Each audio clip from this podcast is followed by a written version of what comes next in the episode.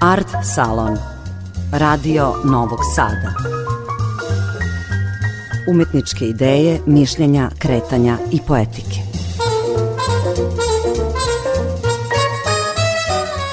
Dobroveče, ja sam Tatjana Novčić-Matijević. Počinje Art Salon, emisija prvog programa radija, radio televizije Vojvodine o kulturi.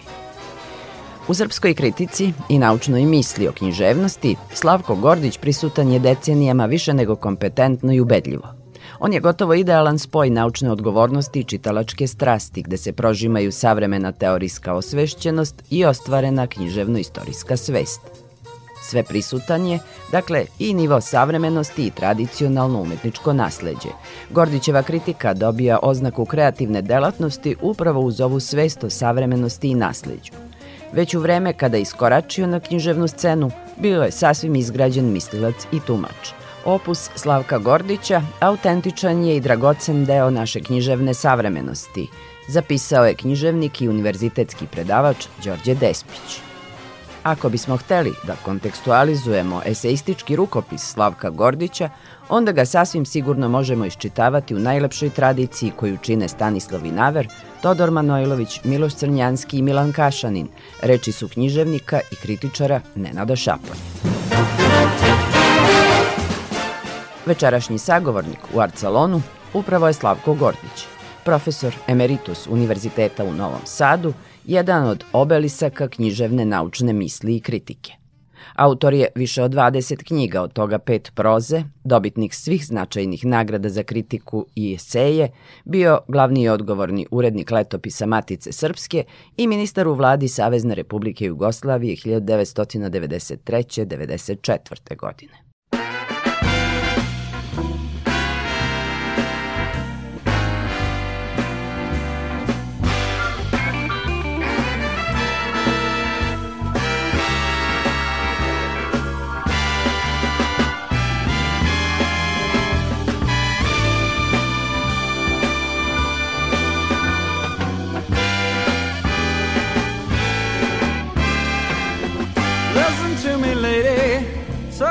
Understood. This running around life ain't doing me no good. I get tired, get so tired of paying dues. But it seems there ain't no way around it, no end to running blues. But I like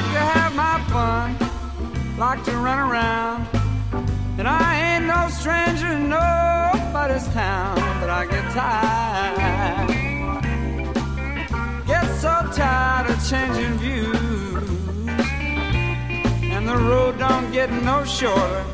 Running round and running blue. Well, this running around life might seem nice and easy, but when you're blowing with the wind, sometimes it get real breezy. Man gets tired I feel like I was born to lose, and there ain't no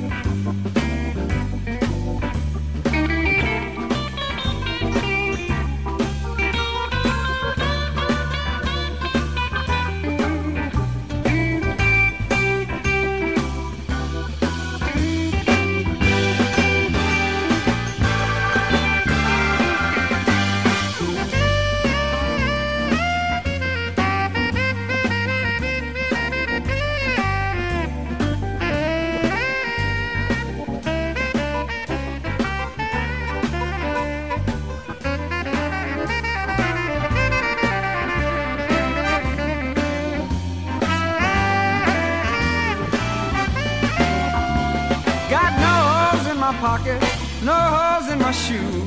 But I don't know if I'm leaving Detroit or coming into Baton Rouge. I get tired, so tired of changing views. And there ain't no way around it, no way around running blue. Left my billfold at the airport my suitcase on a train. Now I can't find my umbrella, sure looks like rain.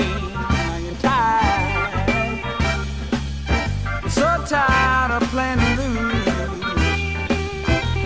and the road don't get no shorter when you got the running blues. Well, the nightlife ain't no good life, but it's my life too. And once you're bound to this highway, ain't nothing you can do. So get dues, and there ain't no way around it, no way around running blues.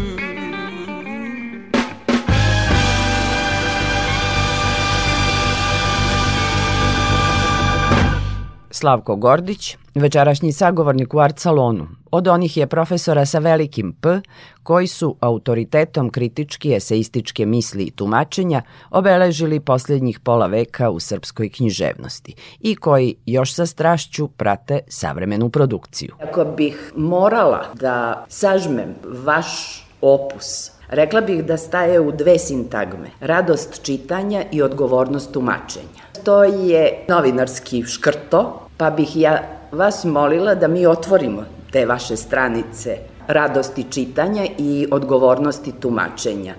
Bibliografija je toliko obimna da kad bi krenula da je nabrajam, potrošila bih sve vreme za, za ovu emisiju, ali činjenica jeste da su to decenije predanog čitanja i tumačenja. I hvala vam na tome. Pre svega, iz današnje perspektive, pošto ste neumorni i danas, kako vam se čini savremena srpska književnost? Najprej hvala vam na ovim priznanjima i podsjećanjima na ono što sam činio i što činim. Malo ste me i postidili ovim komplimentima. Pa pitanje vam je dosta krupno i teško samim tim i teško je, da tako kažem, koncizno, odgovorno i precizno odgovoriti na ovo pitanje. Današnja srpska književnost, a verovatno se to vidi iz ove moje poslednje knjige, ona je, rekao bih, 23. autorska moja knjiga uz 10 ili 15 priređenih. Dakle, i u ovoj knjizi se vidi da se događaju neke promene. Recimo, meni je jedna promena i novina simpatična. Nastojalo se dosta na takozvanoj descentralizaciji kulture i administrativno, i formalno, i stvarno, a nije bilo rezultata. A dogodila se sad gotovo i nehotično i neplanirano. Naime, doista sad živimo u jednom globalnom, informativnom, informacionom selu. Digitalna revolucija je tu. Hoću samo da pojednostavim. Šta je novo u književnosti danas? Anegdotski rečeno, imate dobre pisce, sjajne pesnike koji žive daleko od takozvanih centara izvrstnosti, od Novog Sada, od Beograda. Na primer, nije lepo izdvajati imena jer time činimo nepravdu onima koje prećutimo. Ali recimo u selu Lipolistu, kraj Šapsa, piše i živi sjajan pesnik Tomislav Marinković. U jednom selu kod Brenovca takođe sjajan pesnik. Zapatio ga pre mene Radivoj Mikić. On se zove Tanasijević, Rade Tanasijević. Malo čas smo pominjali Banat.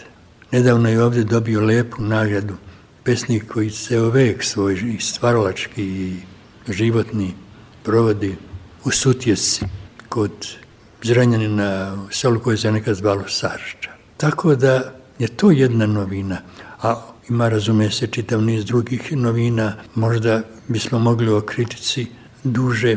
Kritika je danas, rekao bih, nešto obzirnija, opreznija i bojažljiva i nema onu sanitarnu funkciju koju je imala i koja je sladuje.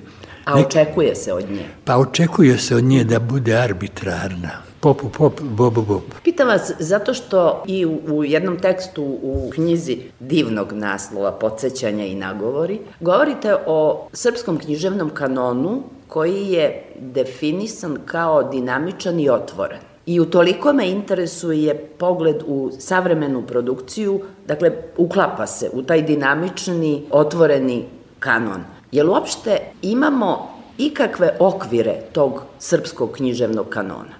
Meni se čini da je negde u, u, u drugoj polovini 20. veka, pa iz početka 21. veka da se negde pokušavaju napraviti okviri. Da li sam u krivu?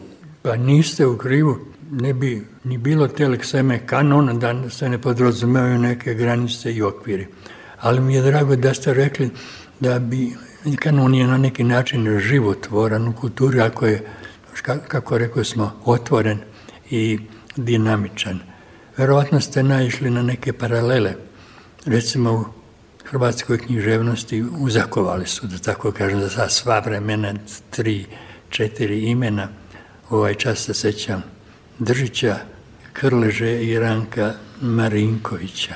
Naš je kanon nekako malo otvoreniji, možda malo labaviji i podleže nekim pomeranjima i promenama koja nisu stvar razmene usluga e, ili nekakvog pajtašenja ili nekakvog navijanja, nego se doista događaju ponekad lepa književna iznenađenja.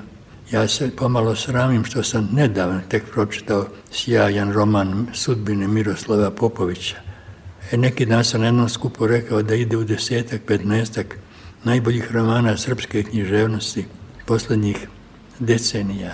Tako da ta pomeranja su neminovna, hteli ih mi ili ne, ali je takođe i ono jezgro manje više definisano Upravo sam to htjela da vas pitam. Jasno. Ako su u hrvatskoj književnosti uspostavili tu vertikalu tri autora, Dobro. srpska književnost takođe ima razloga i pravo da uspostavi jednu ozbiljnu i estetičku i etičku vertikalu u svojoj literaturi. Tako je.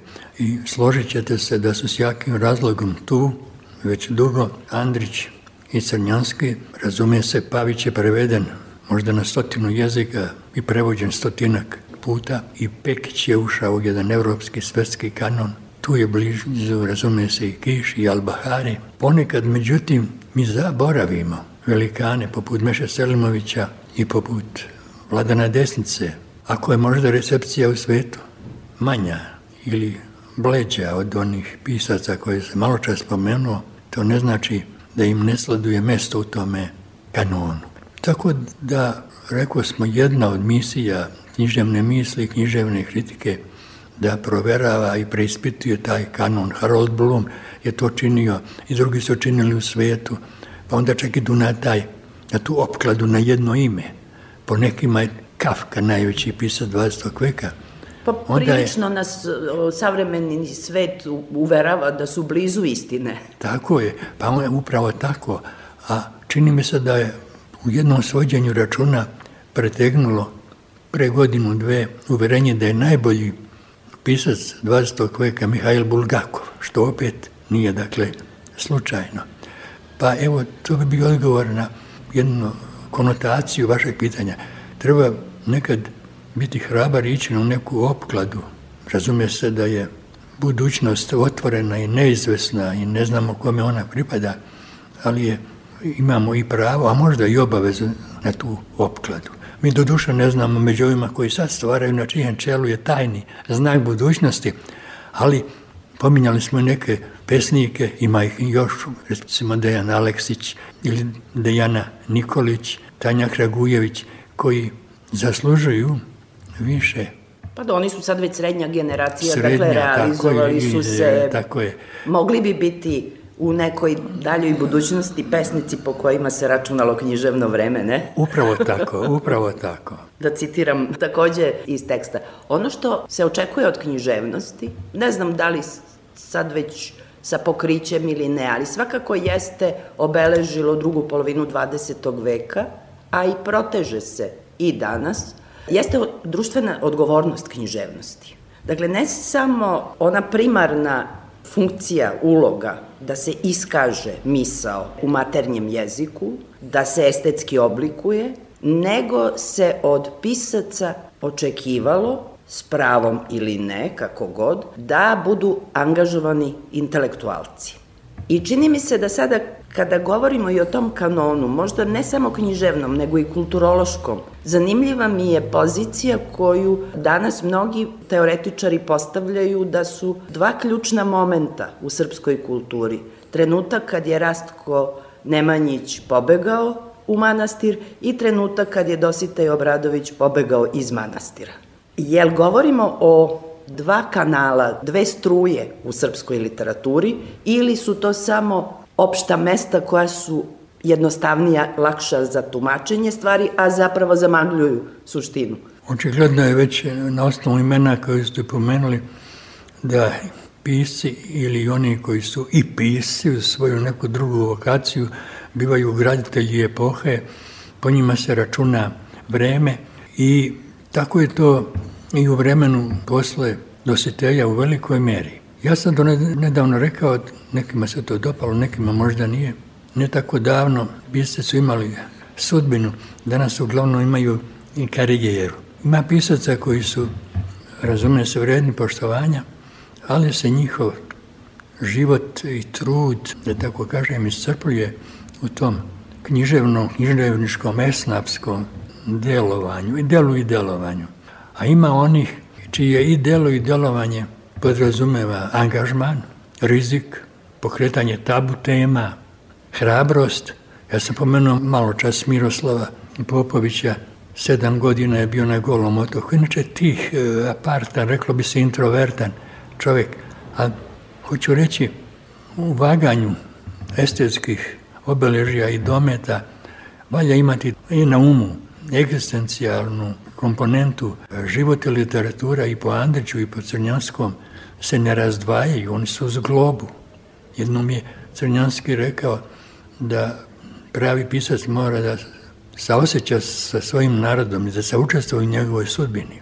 Na neki način život Crnjanskog i Andrića, ono što su radili, ono što su istrpeli i kao stvaraoci i kao ličnosti, govori o tome da u slučaju stvaraoca i taj van literarni i nadliterarni, taj biografski moment je bitan. Mogao bih tim povodom govoriti o Dobrici Ćosiću, mogli bismo govoriti i o drugima, možda o Gojku Đogu i tako dalje, pod pretpostavkom, da se malo našalim, pod pretpostavkom da je umetnički učinak dvojice stvaralaca podjednak.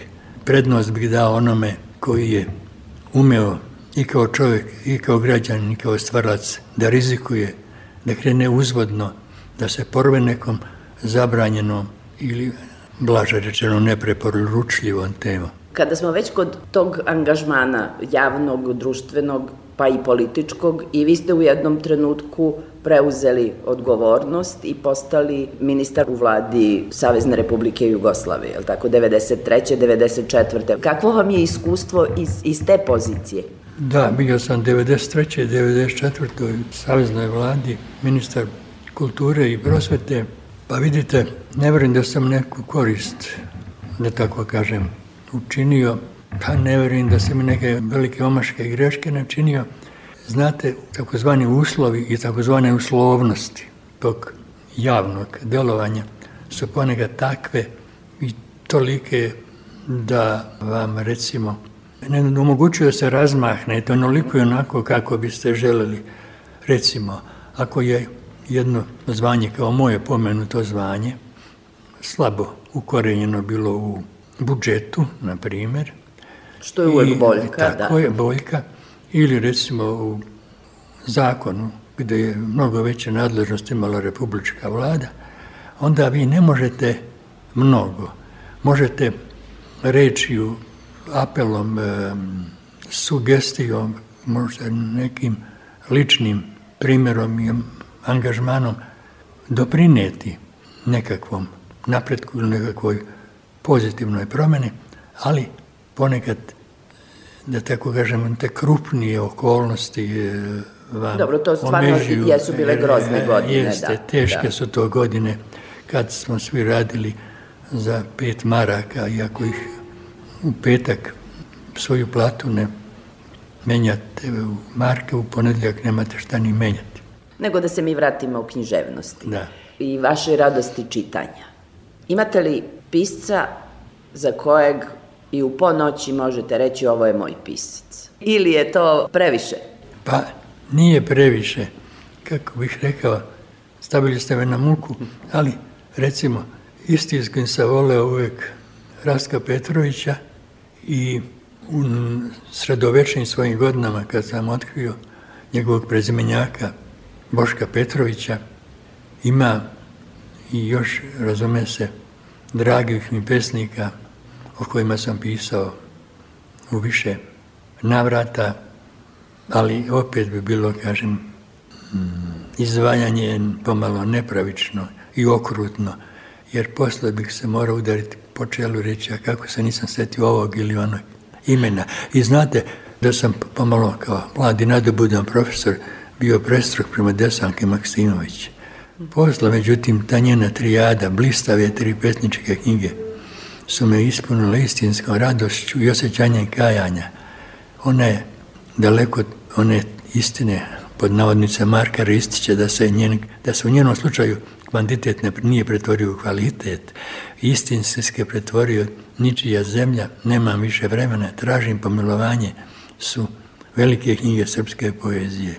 Prema tome i te naše ljubavi i ta reljev svesti u ponoćnom buđenju menja se iz decenije u deceniju. Kanon je dinamičan i otvoren, tako? E da, sad ste mi doskočili. Pitam vas zato što savremeni pisci kažu da su pre svega čitaoci i to je sasvim izvesno. To, to se po dobrom piscu se vidi da je i dobar čitalac. Negde, kada govorimo o vašem opusu, stalno se imaju na umu, naravno, blistavi eseji kritički prikazi, razni tekstovi povodom velikih e, izdavačkih poduhvata, dakle, ta, ta kritičke napomene. Nekako vaš prozni rad je ostao u senci. Meni je žao što, što niste marketinški više radili za svoju autorsku prozu, jer je ona, profesor Egerić je to imenovao kao intelektualni lirizam. I, I negde mi se čini da je to definicija vas taj intelektualni lirizam koji vidljiv je izuzetno i u ovim esejima i u kritičkim tekstovima, a naravno tekst se razmahne u proznom stvaralaštvu i zato sam vas pitala i ne čudi me što je Rastko Petrović visoko na, na listi vaših pisaca, jer ta vrsta proze, ona i po svojoj strukturi i po emociji je potpuno, što bi se reklo, u modernom ključu. Da, sad smo malo odlutali od teme. Pravo ja sam odlutao, ali evo pokušam se saberem. Znate, intimno, najintimnije govoreći, volim i pisce i stvarao se uopšte tihe reputacije i nekako tihe vokacije. A ukoliko tekst i knjiga zaslužuju, ona će naći svoga čitavaca. Nije ni broj čitalaca toliko presudan, Nedavno preminuli Milovan Danolić je rekao svakog svog čitaoca znam u glavu. Mene su drage moje knjige, eseističko-poetske proze, to su manje više kratke zapisi po pravilu u drugom licu, što je malo neobično. Dakle, ja držim, ali poneko još drži do tih knjiga s naslovom drugo lice, opit, rub. Posle ruba mogu da navedem i nekoliko uglednih kritičara i pisaca koji su, da tako kažem, imali sluha i lepo odreagovali na moju radost. Međutim, ponekad, poneki žar je hendikapiran, roman je mezimac već odavno, ali recimo eseistički kratki eseističko-poetski zapisi, taj meditativni lirizam – koji po pravilu podrazumeva jednu minimalističku poetiku, nekako, nekako se ide na kraće sažete teksta da bude, teksta da bude tesno rečima, prostrano mislima i asocijacijama. Takva štiva se ne čitaju prečesto i nemaju mnogo čitalaca. Možda i to jedan od razloga da su ostali u senci, ali mogu bih navesti neka, neka imena ljudi do koje ja držim, koji su pisali i pišu sa sluhom i dosluhom o toj deonici moga književnog rada. Te fragmenti, tako kako ste rekli, tesnog jezika, a široko misli, negde su najbliže poetskom izrazu. Poeziji, pogotovo danas, evo videli smo, Ninovu nagradu je dobio roman koji je napisala pesnikinja u fragmentima. I on kada se čita, zaista čitalac koji ga čita stvara taj roman. Fragmenti su danas poželjna forma. Savremeni čitalac, savremena civilizacija, čini mi se više nema strpljenja za više tomne romane. Da, sad ste na tragu Charlesa Bukovskog, koji kaže da je fragment danas jedina krilata ptica. Dakle, gubi se vreme, nerv, afinitet za epsku širinu i za, da tako kažem, romane od nekoliko stotina stranica. To je istina i u tome je i šansa za te mikroforme što ste pomenuli, eseističko-poetske zapise i pesme u prozi. I ja i kao čitalac i kao nekakav autor imam doista jedan postojan afinitet za takav vid iževnog izraza i govora. Počeli smo ovaj razgovor upravo time da savremena civilizacija kaže da živimo u globalnom selu i zbog toga je divna ta demetropolizacija. A moram da vas pitam kao autora od izuzetne mudrosti, znanja, integriteta i autoriteta, kako komentarišete to što nam savremena civilizacija unosi, dovodi veštačku inteligenciju? Sigurna sam da razmišljate o tome. Pa razume se. Upravo u jednom od tih kraćih zapisa koje i sad pišem, ne znam da li ću to ikad objaviti, u jednom od tih zapisa, kažem, evo u novinama temat o veštačkoj inteligenciji i u istom tom malom zapisu pominjem jednog pesnika Miloša Kordića, koji u svom sećanjima na zavičajnu baniju iz koje je prognan početkom 90-ih govori o svrakama i svračijim gnezdima i kaže na jednom mestu svraka je od najinteligentnijih ptica. Sva sreća pa postoji ta inteligencija koja nije veštačka, ima mnogo, razume se, najpre čoveka, ali potom i pticu. I vrane važe za inteligentne. Mi mnogo toga, e, ptice, mi mnogo toga ne znamo. Ja sam nedavno doznao da su ova ima sto puta bolji vid nego čovjek, oštriji vid. Nedavno sam doznao da hobotnica ima tri srca. Prema tome, nas priroda još nije ni prestala da iznenađujemo, a mi smo kao siti prirode i mislimo da je veštačka inteligencija u principu nadmoćna. Možda je ona u nečem i nadmoćna, ali sigurno će uvijek biti sfere koje su ljudske, odveć ljudske, što bi rekao Niče. I ne samo te sfere, nego i, da pokažem, oblasti kreativnosti. Daj Bože da se mi poslužimo veštačkom inteligencijom, a da se ne ona ne posluži nama. A, taj strah postoji, da, već, već je izražen. Samom a. činjenicom da je i onaj chatbot iskazao želju da postane čovek, ali da, da ima ono što, što ne može da se tako lako uprogramira u jezik. Znate, na delu je jedno takvo ubrzanje stvarnosti da mi ne stižemo ni da se informišemo, a ni da dođemo do nekog e, stava. Ne može čovek imati svoje, svoje, svoje mišljenje, jer nema uvid, ali onda bira kome će da veruje. Srećom, postoje uvek mislioci koji su prozorljivi, koji su vidoviti, koji imaju to predosjećanje budućnosti sigurnije od našeg. Neki od njih pišu negativne utopije. U našoj književnosti imate tri, recimo, značajne negativne utopije. Jednu je napisao Pekić, jednu je Erich Koš, jednu Dobrica Ćosić, to je bajka. Da ne pominjamo sada velikane u svetu poput, poput Orwella, je li tako, ili Zinovjeva, ponekad od ovih vidovitih, odvažnih, pronicljivih, prozorljivih, dolazi do odgovora i doći će do pouzdanijeg odgovora na ova pitanja koja sad i odgovore koje vi i ja razmenjujem. Ono što ćemo se složiti to je da potreba ljudi da pišu, da iskazuju svoje misli, stvarajući književni tekst, ne znam da koliko i kada će to u jednom trenutku biti procenjeno kao umetnost, ali svakako ta potreba da, da se ispiše život, mislim da to veštačka inteligencija neće moći da ukine. Pa neće moći. Čovjek nije sav u svojoj nameri, ponekad njegova tvorevina je i više i manje ili drugo nego li njegova namera. Rekao ste misao, misaonost, kad ste počeli sa ovim pitanjem. Recimo kada je o književnosti reč, Paul Valeri kaže misao je ono što je hranljivost u plodu. Dakle, ona nije, ne mora biti eksplicitna, nego je nekako implicitna, skrovita, organska, kapilarna. Hajde sad, zali je zamislio robot koji ima, da tako kažem, takvu mapu svesti, takav reljef svesti, i svoju podsvest i kolektivno nesvesno i arhetipska prasećanja.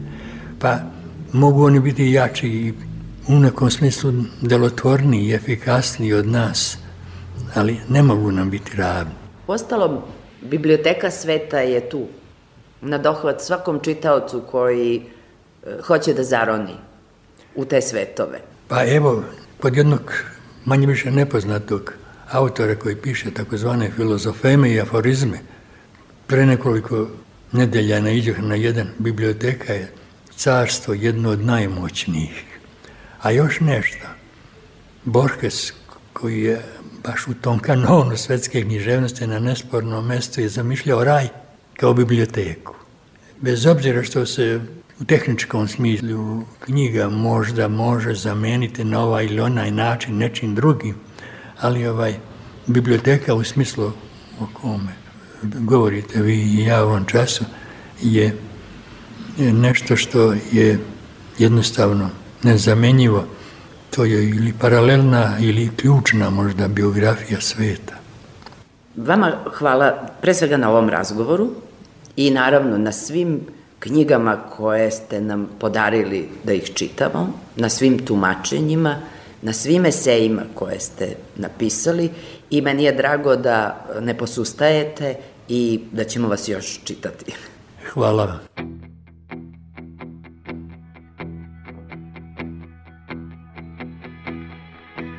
When you're lost in the rain in Juarez and it's Easter time too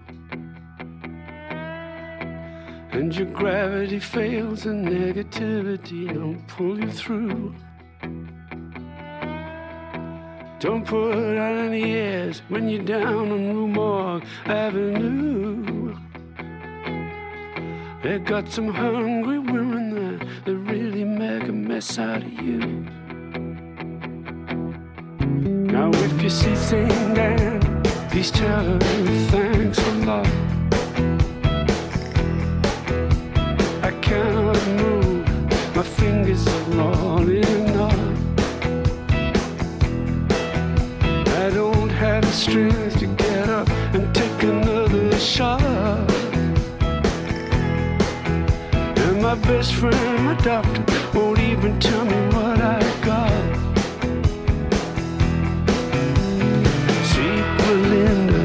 peasants call her the goddess of gloom. She speaks good English and she takes you to her room. And you're so kind and careful not to go to her too soon. Then she takes your voice and leaves you howling at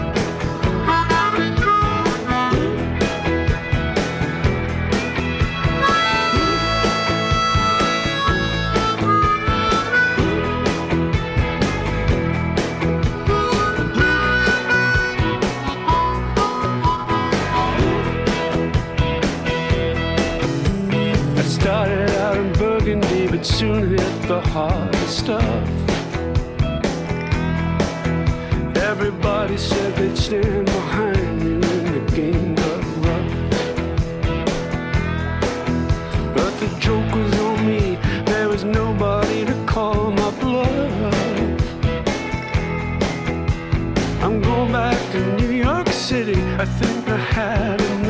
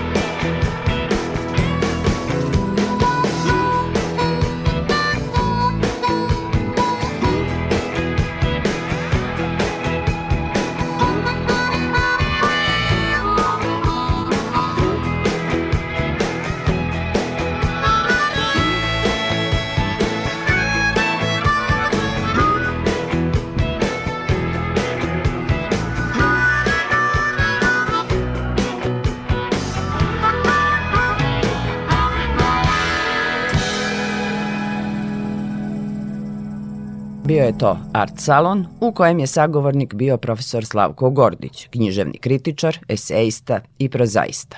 Narednog utorka nove priče o umetničkim idejama i praksama. Laku noć želi vam Tatjana Novčić-Matijević. Do slušanja.